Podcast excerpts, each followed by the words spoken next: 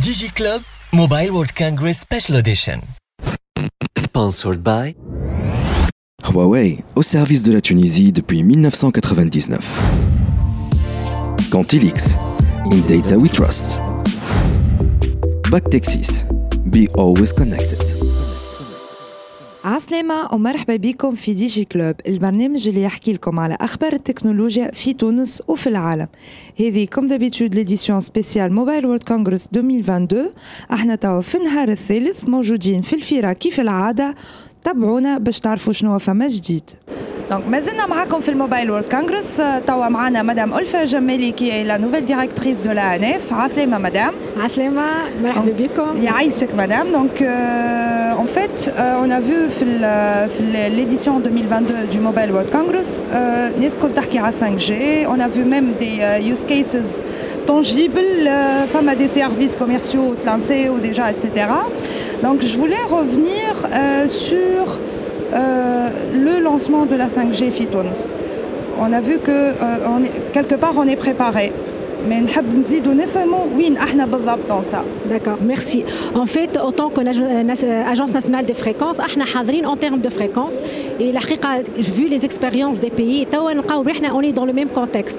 Donc, euh, l'ANF, elle a lancé récemment une consultation publique sur les différents scénarios pour attribuer les bandes qui sont dédiées pour la 5G, la bande 700 et la bande 3.5. Et on est, vraiment prêt, il y a d'autres interventions intervenants dans la licence euh, ou Très bien.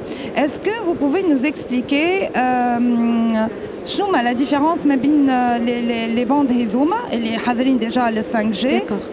Très bien. Donc, euh, pour relancer la 5G, on a trois euh, types de fréquences. On a les fréquences pour la couverture et la bande 700. On a la, la, la bande moyenne et la bande 3.5 oui, un bande. Donc, on peut commencer par la bande 3.5 ou Hadra fi Tunis. Et euh, vers la fin, فما la bande 26 giga اللي هما les, euh, les ondes millimétriques ونستعملوهم في آخر مرحلة في اللانسمون تاع la 5G pour renforcer les réseaux وباش نقربوا أكثر من le citoyen ولا من l'industrie. Très bien. Donc si je comprends bien euh, euh, la, bande millimétrique, quand on aura une couverture, Voilà, une assez de maturité pour le réseau. Très bien. Et euh, sinon, concrètement, qu'est-ce qui manque au juste? باش ن- ننطلقوا في اللانسمون effectif de la 5G. Bon, bon, il y a beaucoup de choses euh, à travailler sur la 5G. Premièrement, la digitalisation. Donc, لازم يكون عندنا قاعدة معطيات كبيرة euh, des données باش خاطر la 5G elle est basée sur le contenu. Tout à fait. Donc, اليوم on doit travailler sur le contenu في l'industrie, في ال- في l'éducation. معناها هذوم الكل لازم on travaille là-dessus pour pouvoir avoir un contenu. خاطر la 5G مش مشكلتها le lancement, donc on peut la lancer, mais il faut avoir un contenu. Qu'est-ce qu'on doit passer dans le tunnel et les 5G. Très bien. Mais sinon, est-ce que euh, vous pensez خاطر فما عباد توا تقول لك اوكي صحيح مازلنا ما وصلناش لل لان تو دو بينيتراسيون كبير في ال 4G mais on doit quand même y aller dans la 5G. Ah, Qu'est-ce que vous en voilà, pensez Justement, très bonne question. En fait, Lyon, pour lancer la 5G, parmi les expériences au niveau international, donc il faut euh, passer à une assez de maturité بالنسبة للريزو 4G. Donc il faut aller, euh, معناها on atteint un niveau de pénétration de 80%. Pour la Tunisie, on est à 56% de taux de pénétration. Donc si on atteint quota 80%, le Jmokoul, on est prêt pour la 5G. Très bien. Alors, il y a eu justement une euh, grosse polémique autour de, du, lancement de la 5G. On a vu que euh, certains opérateurs, ils ont dû en fait, et euh, ils les antennes 5G MTHOM, tafid autour des aéroports. D'après ce qu'on a compris, euh, il pourrait y avoir euh, une légère interférence, mais bien euh, les, fréquences, les fréquences, c'est bien ça, on dit les fréquences. Les fréquences, la 5G et le service aéronautique. Tout à fait. Donc, est-ce qu'on pourrait être confronté à ça, Fitounes Bonne question. En fait, les, euh, on a des altimètres qui travaillent dans la bande 4.2, euh, 4, euh, 4, 4.2 GHz. اللي هي bande adjacente لل 5G. بالنسبة لأمريكا خاطر أمريكا la bande de fréquence pour la 5G ماهيش la même pour l'Europe et euh, D'accord. l'Afrique et le Moyen-Orient. D'accord. هما يخدموا في 3.7 3.4. Vraiment, فما 200 mégas mais بينهم هما l'aéronautique. Par contre, تونس فرنسا l'Afrique كلها donc on a une marge de 400 euh, bandes de garde de 400 mégas donc on n'est pas vraiment euh, confronté à ce risque justement donc on n'est pas on sera pas la 5G elle n'interfère pas les altimètres في l'Europe ولا في région 1 liée à l'Afrique ou l'Europe ou le Moyen-Orient très bien donc, et il y a eu aussi une autre polémique en fait sur ouais. la, la, la, 6 GHz. Il me semble hier vous étiez oui. vous, a, vous avez participé à un atelier oui. sur la 6 GHz. Oui. كان تحكي لنا شويه الحكايه وتفسرها لنا اكثر. Euh, toujours les réseaux, les, les, opérateurs mobiles, toujours ils, euh, ils se préparent pour le, la prochaine étape. Donc on a parlé des bandes de fréquence pour la 5G. اليوم فما une bande أخرى مترشحة باش تكون pour pour soit la 5G ou pour les nouvelles générations اللي هي la bande 6 GHz. فما polémique كبيرة خاطر فما l'industrie du Wi-Fi وفما les microwaves اللي هما les FH وفما le service mobile. Donc ils veulent savoir la position à chaque pays au niveau de cette bande surtout qu'elle sera discutée à la conférence mondiale des radiocommunications en 2023. Donc on va on va se on temporise la décision interne حتى نشوفوا المؤتمر العالمي للاتصالات الراديويه qu'est-ce qu'il va décider surtout احنا قاعدين on suit les études de partage euh, entre le, le, les FH c'est-à-dire les faisceaux hertziens et euh, les réseaux mobiles. Mm -hmm. Si ça va aboutir à une coexistence entre mm -hmm. les deux services, on n'est pas contre. mais si euh, on, les, les, les, réseaux existants vont être affectés par, par les nouveaux entrants, donc on y une, une autre décision. Voilà, donc euh, c'est à peu près ça. Donc, le... Très bien. Alors, votre nomination, votre nomination a été officialisée le Berah el c'est bien ça oui. D'accord. Et euh, si j'ai bien compris, Adakhla lancé un nouveau slogan pour euh, l'ANF, c'est bien ça? Oui, oui justement. A euh, vision perspicace pour un spectre efficace. Très bien. Et Donc c'était un message pour les utilisateurs, l'humain, et l'ANF, elle est là pour la bonne utilisation du spectre, avec une vision qui est perspicace. Très bien.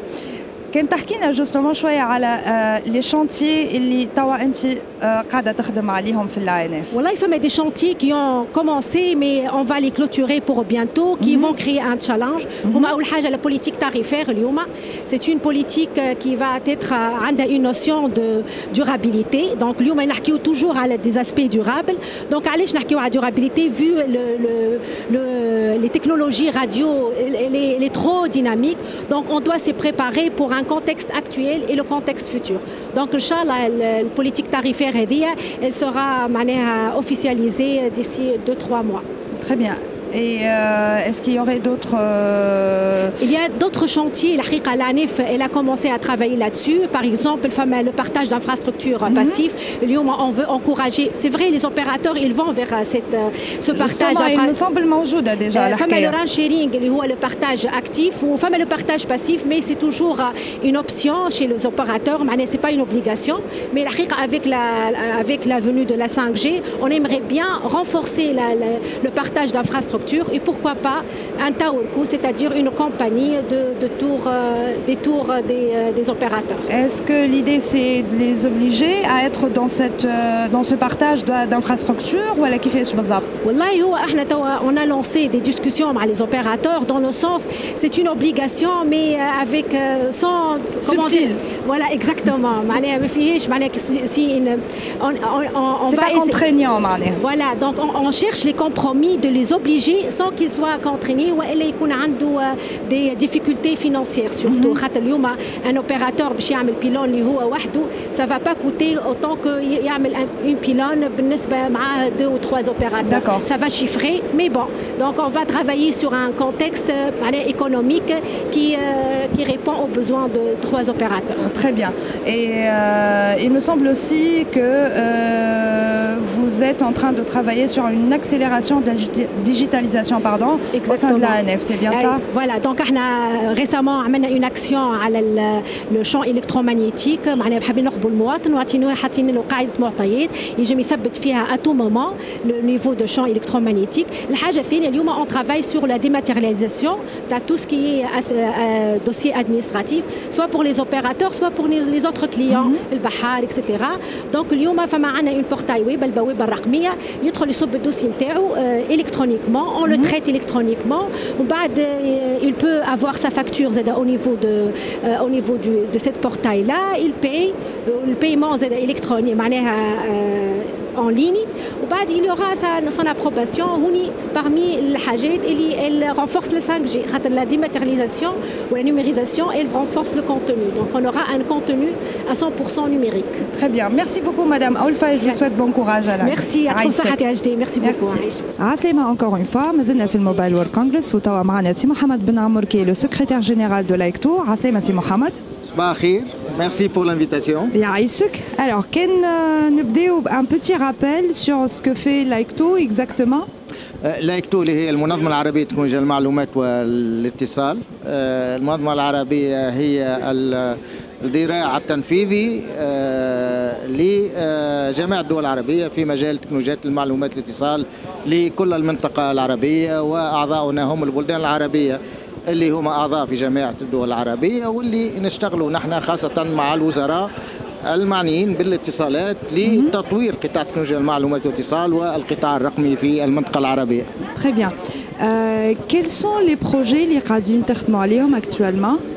نحن بصفة عامة نخدموا في إطار استراتيجية اللي هي 4 دي استراتيجي وبيان 4 دي استراتيجي الاستراتيجية هذه مبنية على ديجيتال ترانسفورميشن التحولات الرقمية ديجيتال انكلوجن الاندماج الرقمي ديجيتال تراست وهي الثقة الرقمية وديجيتال انوفيشن يعني التجديد الرقمي. وبالتالي في إطار الاستراتيجية هذه قاعدين نقوموا بعديد مبادرات والمشاريع اللي يخصوا آه، الأربعة آه، مسارات هذوما اللي هي في إطار الاستراتيجية نتاع المنظمة العربية تكنولوجيا المعلومات والإتصال.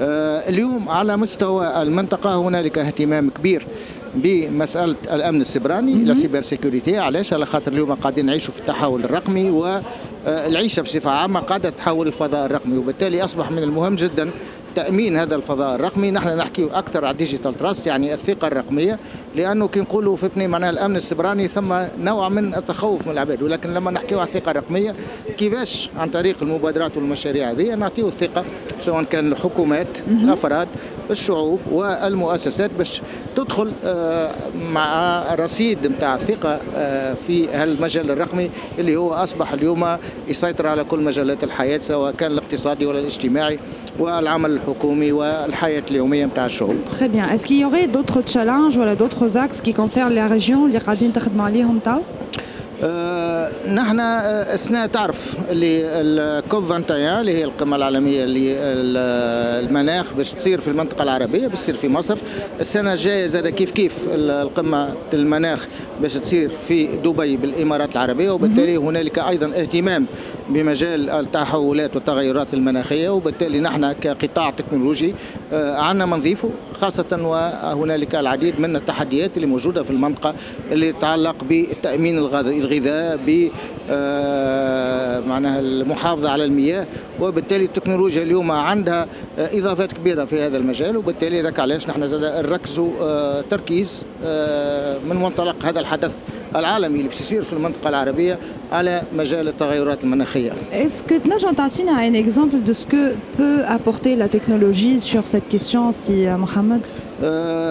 نحن نعرفوا اللي معناها أهداف التنمية المستدامة تتعلق بثلاثة أبعاد، الأبعاد هذه الأبعاد الاقتصادية الأبعاد الاجتماعية والأبعاد نتاع حماية ال- ال- المناخ. وبالتالي في إطار ثلاثة أبعاد هذوما نعرفوا اللي اليوم التكنولوجيا أو هي معناها قاطرة من آه، قاطرة للتطوير الاقتصادي اولا في المجال ثانيا في المجال الاجتماعي. التكنولوجيا تعطي برشا حلول للمشاكل الاجتماعية اللي تعيش فيها يعيش فيها العالم وتعيش. فيها المنطقة وتعيش فيها تونس زادة بطبيعة الحال. وفي البعد المناخي ايضا في التكنولوجيا اليوم تساعد اكثر لحمايه المحيط والطبيعه. Très bien. Alors, euh, si j'ai bien compris, euh, vous avez tissé une, une collaboration avec Huawei Ouais. pour, euh, pour euh, traiter certaines, euh, certaines, euh, sur certaines thématiques. Donc, كنت تنجم اليوم هواوي نحن في المنظمة العربية تكنولوجيا المعلومات والاتصال نعتبروه شريك. والشراكة هذه بدأت عندها على الأقل أربع سنوات ومن منذ بدينا بدات الشراكة هذه تتطور شيئا فشيئا واليوم مع الشريك هذايا قاعدين اولا من منطلق المستوى التكنولوجي المرموق اللي موجود في شركة هواوي. نحن نستغلوا هل التقدم التكنولوجي اللي موجود حتى يساعدنا هذايا في تنفيذ البرامج نتاعنا هواوي خدمنا معهم العديد من المبادرات خاصة فيما يتعلق بمسألة الفلاحة الذكية سمارت اجريكلتشر قمنا بالعديد من الدراسات وقمنا ببعض الدورات التكوينية وقمنا أيضا بعديد المؤتمرات التوعوية يعني توعية الناس حول مدى قدرة التكنولوجيا اليوم في مساعدة بلوغ هذه الفلاحة الذكية وسمارت اجريكلتشر هذا يساعد أولا في إدارة الفلاحة يساعد أيضا في المحافظة على المياه يساعد أيضا في تطوير المنتوج وكل هذه المزايا التي تقدمها التكنولوجيا. قمنا بالعديد من المبادرات في هذا الإطار وكانت هواوي موجودة معنا. أيضا اشتغلنا السنة اللي فاتت في مجال أعداد الرؤية الاستراتيجية العربية في مجال الأمن السبراني وهي كما قلت بكري اللي هي مسألة تهم المنطقة وهنالك تركيز كبير على المسألة هذه على مستوى المنطقة العربية وبالتالي اشتغلنا مع شركة هواوي في إطار إعداد المنتدى العربي الأول حول الأمن السبراني واللي كان انتظم في تونس في شهر أكتوبر بحضور الأمين العام لجامعه الدول العربية اللي هو بنفسه زاد يولي أهمية كبرى لمسألة التحولات الرقمية وخاصة مسألة الأمن السبراني. Très bien. Alors, comme احنا موجودين في الموبايل في الموبايل وورلد كونغرس حبيت ناخذ رايك على ليديسيون هذه qui vient en post-Covid en quelque sorte si on peut se permettre. Donc, euh, s'il y a, quelle est votre perception donc, de cette édition Est-ce qu'il y a euh, des aspects particuliers Haka, qui vous ont interpellé سيرتنمون وي نحن اليوم خرجنا معناها للعالم بعد حوالي سنتين من الركود التكنولوجي والاقتصادي والاجتماعي وبالتالي أول فكرة يخرج بها الواحد هو أنه يعني مسألة الكوفيد بدأ العالم يتخطاها خاصة من خلال يعني التلقيح التي وجدت واللي مكنت باش نحميو الناس. اثنين على المستوى التكنولوجي هنالك التركيز أكثر فقني حول كيف إدارة الأزمات من خلال التكنولوجيا. اليوم نحكي أكثر فأكثر حول ذا نكست نورمال يعني اللي عشناه وقت جائحة كورونا. خلانا آه نكون واعيين اللي هذه الأزمات ما هيش باش توفى مع الكورونا ولكن هنالك أزمات قادمة واللي قدمته التكنولوجيا في وقت الكورونا آه خلانا نستخلصوا العديد من الدروس حتى أنه في المستقبل في معنا الحكومات لازم تستثمر أكثر في البنية التحتية للاتصالات لتكون جاهزة في صورة حدوث أزمات أخرى مثل الكورونا لا قدر الله. وبالتالي فتني معناها الحكومات ساعدتنا الكورونا معناها تعبت العالم ولكن ساعدتنا نحن كسائرين على القطاع التكنولوجي أن الحكومات والشعوب أصبحت واعية أكثر بأهمية التكنولوجيا وبالتالي أهمية الاستثمار في التكنولوجيا لأن التكنولوجيا ورات أنه يمكن أن نتجاوزوا كل الأزمات بطريقه او باخرى باستعمال التكنولوجيا. Très bien. Merci beaucoup, c'est Mohamed. يعيشك ça a été un plaisir. يعيشك. كان هذا كل شيء pour cette première moitié de la troisième journée اقعدوا معنا باش نرجعوا من بعد نشوفوا لي ستارت اب التوانسه Digi Club Mobile World Congress Special Edition. Sponsored by Huawei, au service de la Tunisie depuis 1999. Cantilix, in data we trust. Back Texas, be always connected.